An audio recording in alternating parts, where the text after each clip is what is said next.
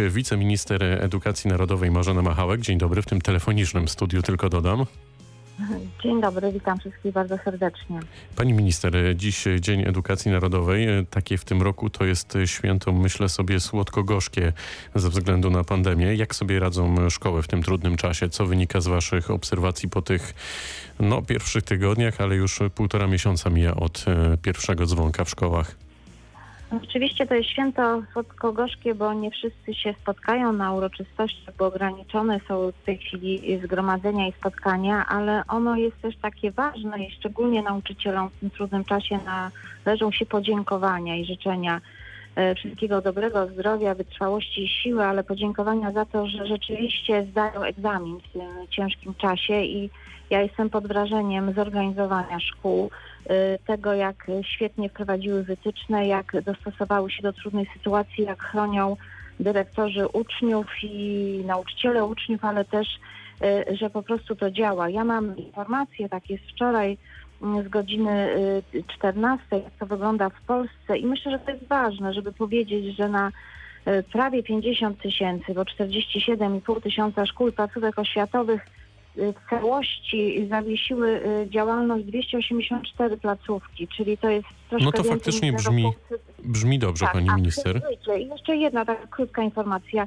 Y, częściowo, czyli nazywamy to hybrydowo 801, ale średnio w tych, gdzie są zawieszone częściowo placówki średnie, w każdej to jest 15% uczniów zdalnym, a więc system działa, szkoły działają, uczniowie się uczą, nauczyciele w trudnych warunkach uczą i to jest y, bardzo duża wartość. Czyli całkiem nieźle, natomiast myślę, że wielu rodziców y, zadaje sobie cały czas y, to pytanie, czy jednak przed nami, a raczej bardziej przed wami, politykami, decyzję o tym, że wrócimy jednak na jakiś czas do nauczania zdalnego. Czy w pani ocenie szkoły właśnie powinny funkcjonować cały czas normalnie, czy jest jakaś taka granica i jeśli tak, to jaka w po której e, przekroczeniu po prostu będziemy musieli się zamknąć?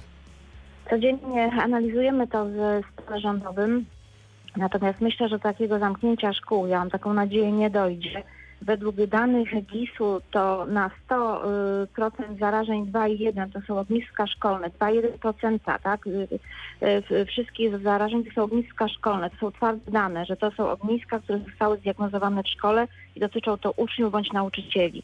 Oczywiście każde zarażenie, każda śmierć jest dramatem i oczywiście współczujemy, ale, yy, ale też yy, my nie mamy dowodów, że te zarażenia płyną ze szkoły, a nie z zewnątrz przychodzą do szkoły, więc yy, tutaj trzeba z wielką ostrożnością podchodzić do ograniczenia szkół. Powiem, że we Wrocławiu mamy 12 placówek w systemie hybrydowym na 800, więc to jest naprawdę znikomo. Wrocław sobie radzi świetnie. W Jeleniej Górze nie ma żadnej placówki, która zmieniła y, organizację, a w Legnicy jest to jedna.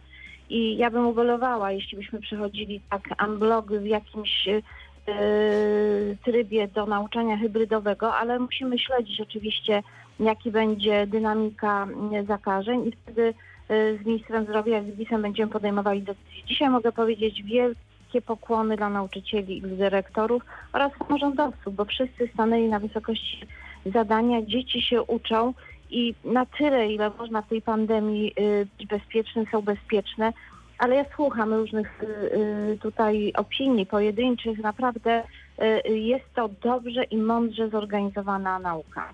No to miło. To miło słyszeć takie słowa, że są takie odcinki w naszym kraju, które e, wydają się być e, ponad e, politycznymi podziałami. To pani minister, jakie pani widzi największe wyzwania dla szkół i uczniów w najbliższych miesiącach poza koronawirusem, rzecz jasna?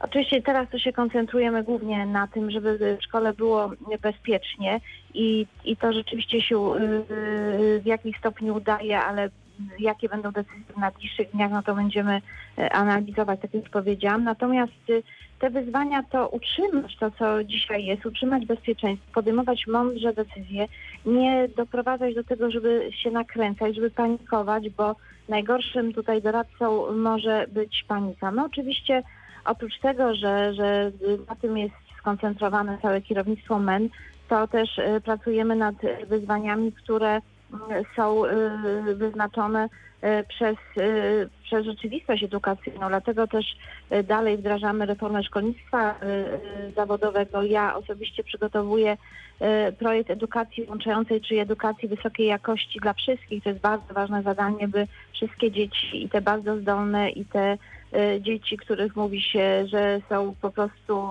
średnio zdolne, ale lubią szkołę i ci, którzy mają jakieś problemy, mieli tą ofertę y, dostosowaną do, do, do swoich zapotrzebowań, żeby mogły się jak najlepiej rozwijać na swoich możliwości. Też ważne zadanie, by szkoły były dostosowane też y, y, nie tylko w sensie architektonicznym, ale także sposobie uczenia i do, dla dzieci z niepełnosprawnościami, bo wiemy, że y, 70% y, dzieci z orzeczeniami o potrzebie o specjalnym kształceniu, orzeczeniu są w szkołach, więc musimy być do tego przygotowani. Wyzwania jest oczywiście y, dużo, natomiast... To prawda, to, to, to, to ja wejdę w słowo. Nauka trwała i w mądry sposób trwała, bo nauka zdalna, ona może elementy nawet powinny być prowadzone do stacjonarnej, Wejdę, wejdę w słowo. Pani minister, a kwestie światopoglądowe, jak do tego powinni podchodzić e, nauczyciele? Jaka powinna być e, szkoła XXI wieku? Ja jestem o tym przekonana, że y, szkoła nie tylko uczy, ale wychowuje i powinniśmy y, wychowywać w wartościach uniwersalnych. Zresztą preambuła do y, prawa oświatowego o tym mówi.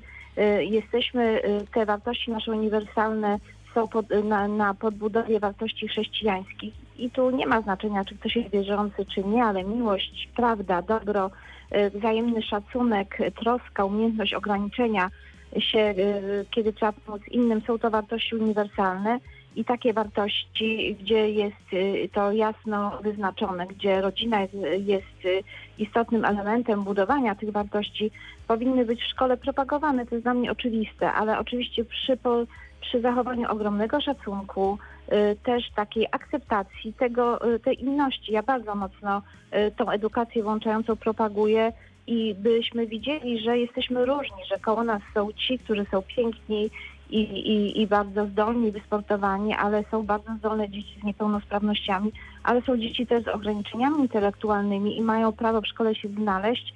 I też y, na taką różnorodność prosiłabym zwrócić uwagę i żeby zwracać uwagę, czy w każdej szkole jest ta akceptacja i szacunek dla takiej różnorodności. Ja często słyszę uwagi nauczycieli, ale też e, uczniów o tym, że na przykład lektury nie licują z dzisiejszymi czasami. Czy pani zdaniem potrzebne jest na tej płaszczyźnie jakieś odświeżenie i reset? Zawsze warto się przyglądać lekturom, natomiast y, to też w życiu nie jest tak, że w dzie- w dzieciństwie i w młodości robimy wszystko, co nam się podoba i to, co się podoba nam w młodości, później się okazuje, że to dobrze, że nam się podobało. Czasami A y, to akurat musimy- prawda. Prawda, więc to jest y, też była moda. Więc wiem, że te ograniczenia, które stawiają nam dorośli i wyzwania, które stawiają nam dorośli, bo mają doświadczenie i wiedzą, co jest ważne, y, y, jest istotne. Dlatego czytanie lektur, które są związane z budowaniem naszej tradycji, tożsamości, ale też takim otwarciem na świat, bo to nie, nie musi jedno wykluczać drugiego, są bardzo istotne, byśmy ten kod y, kulturowo-tożsamościowy mieli wbudowany, ale to nie znaczy, że my, bo tutaj mówimy o wyzwaniach, to wyzwaniem jest bardzo ważne, żeby szkoła była nowoczesna, żeby była technologicznie dostosowana do, do, do nowych y, wyzwań, żeby uczniowie wychodzący na rynek pracy potrafili się dostosowywać do zmieniającej rzeczywistości, żeby potrafili się uczyć, bo oprócz tego, że mamy ten kod kulturowy budowany w sobie, to powinniśmy być przygotowani do tego, że ciągle będziemy musieli uczyć, uczyć się, zmieniać swoje miejsca pracy, bo, bo taka y, jest rzeczywistość, a nawet w tym miejscu pracy będziemy musieli zdobywać nowe umiejętności, więc nie jest tak, że nauczyliśmy się czegoś w szkole, koniec, kropka i z tym będziemy przez całe życie mm, sobie radzić. Dzisiaj takie, y, takim podstawowym, ja byłam w tej chwili na szczycie OECD i takim podstawowym wyzwaniem, y, oprócz tego, że, że te umiejętności przekrojowe dzisiaj są najistotniejsze, czyli czyli umiejętność porozumiewania się i szybkiego uczenia, komunikowania się, rozwiązywania problemów pracy w grupie, pracy zespołowej, planowania. Dzisiaj ona jest ważniejsza niż konkretna taka bardzo wąska umiejętność, bo ją można nabyć. A, A swoją drogą, takie- pani minister, e, czy jak pani obserwuje swoich kolegów e, i koleżanki w rządzie, to oni takie umiejętności posiadają? E, Wydaje mi się, że, że, to, nie, że to jest oczywista oczywistość, jak mówi klasyk, bo nie da się zarządzać, nie da się podejmować decyzji, jeśli się nie umie słuchać, jeśli się nie umie podejmować decyzji, jeśli się nie umie uczyć. Dla mnie moje życie to jest ciągłe uczenie się, bo każdy dzień to są nowe wyzwania i nowe e, informacje, które trzeba przetworzyć i dostosować, podejmować decyzje. Więc e, umiejętność uczenia się to jest podstawowa umiejętność, którą musi mieć każdy polityk, a szczególnie ten, Dobrze, który to... w jakimś sferze odpowiada za państwo. To pędzimy, pędzimy dalej. E, Wszystko wskazuje na to, że w przyszłym tygodniu minister Przemysław Czarnek obejmie tekę ministra e, w resorcie. Czy pani pozostanie w ministerstwie? E, Bardzo lubię takie pytania, bo na nie nie mogę odpowiadać, więc zawsze... To zadam inaczej. Zadam, zadam inaczej, żeby było pani łatwiej. Czy chciałaby pani kontynuować swoją misję w ministerstwie? Ale ja odpowiem. Y, Wszystko wskazuje na to, że zostanę w ministerstwie, że będę kontynuowała swoją misję, a więc i wychowanie, i odpowie, odpowiadam za bezpieczeństwo w szkołach i, i za y, edukację dla dzieci niepełnosprawnych, też edukację zawodową, strategię umiejętności, więc te odpowiedzialności mam bardzo różne, to jest czwarty rok. I sądzę, że zostanę w rządzie, ale te decyzje, jak zawsze, y, to musi zapaść kropka nad i. Pan y, minister Czarnek musi tę tekę już formalnie objąć musi mi oficjalnie zaproponować, a premier podpisać nominację do nowego ministerstwa, bo to już musi być y, y, nowa nominacja do nowego ministerstwa. A zawsze dopóki y, to już klamka nie zapadła, to wszystko jest grze, więc myślę, że trzeba się uzbroić w cierpliwość. No ale to już jest jakiś konkret. A czego właściwie możemy się spodziewać po działalności ministra Czarnka? Jak pani sądzi, w jakim kierunku będzie zmierzać polska edukacja? Ja miałam okazję przyjrzeć się ministrowi Czarnkowi, jak był wojewodą i współpracowałam z nim przy wdrażaniu y, reformy kształcenia zawodowego i byłam zaskoczona wiedzą, jak, jaką ma na temat kształcenia zawodowego i w jaki sposób y, y, koordynuje sprawy reformy.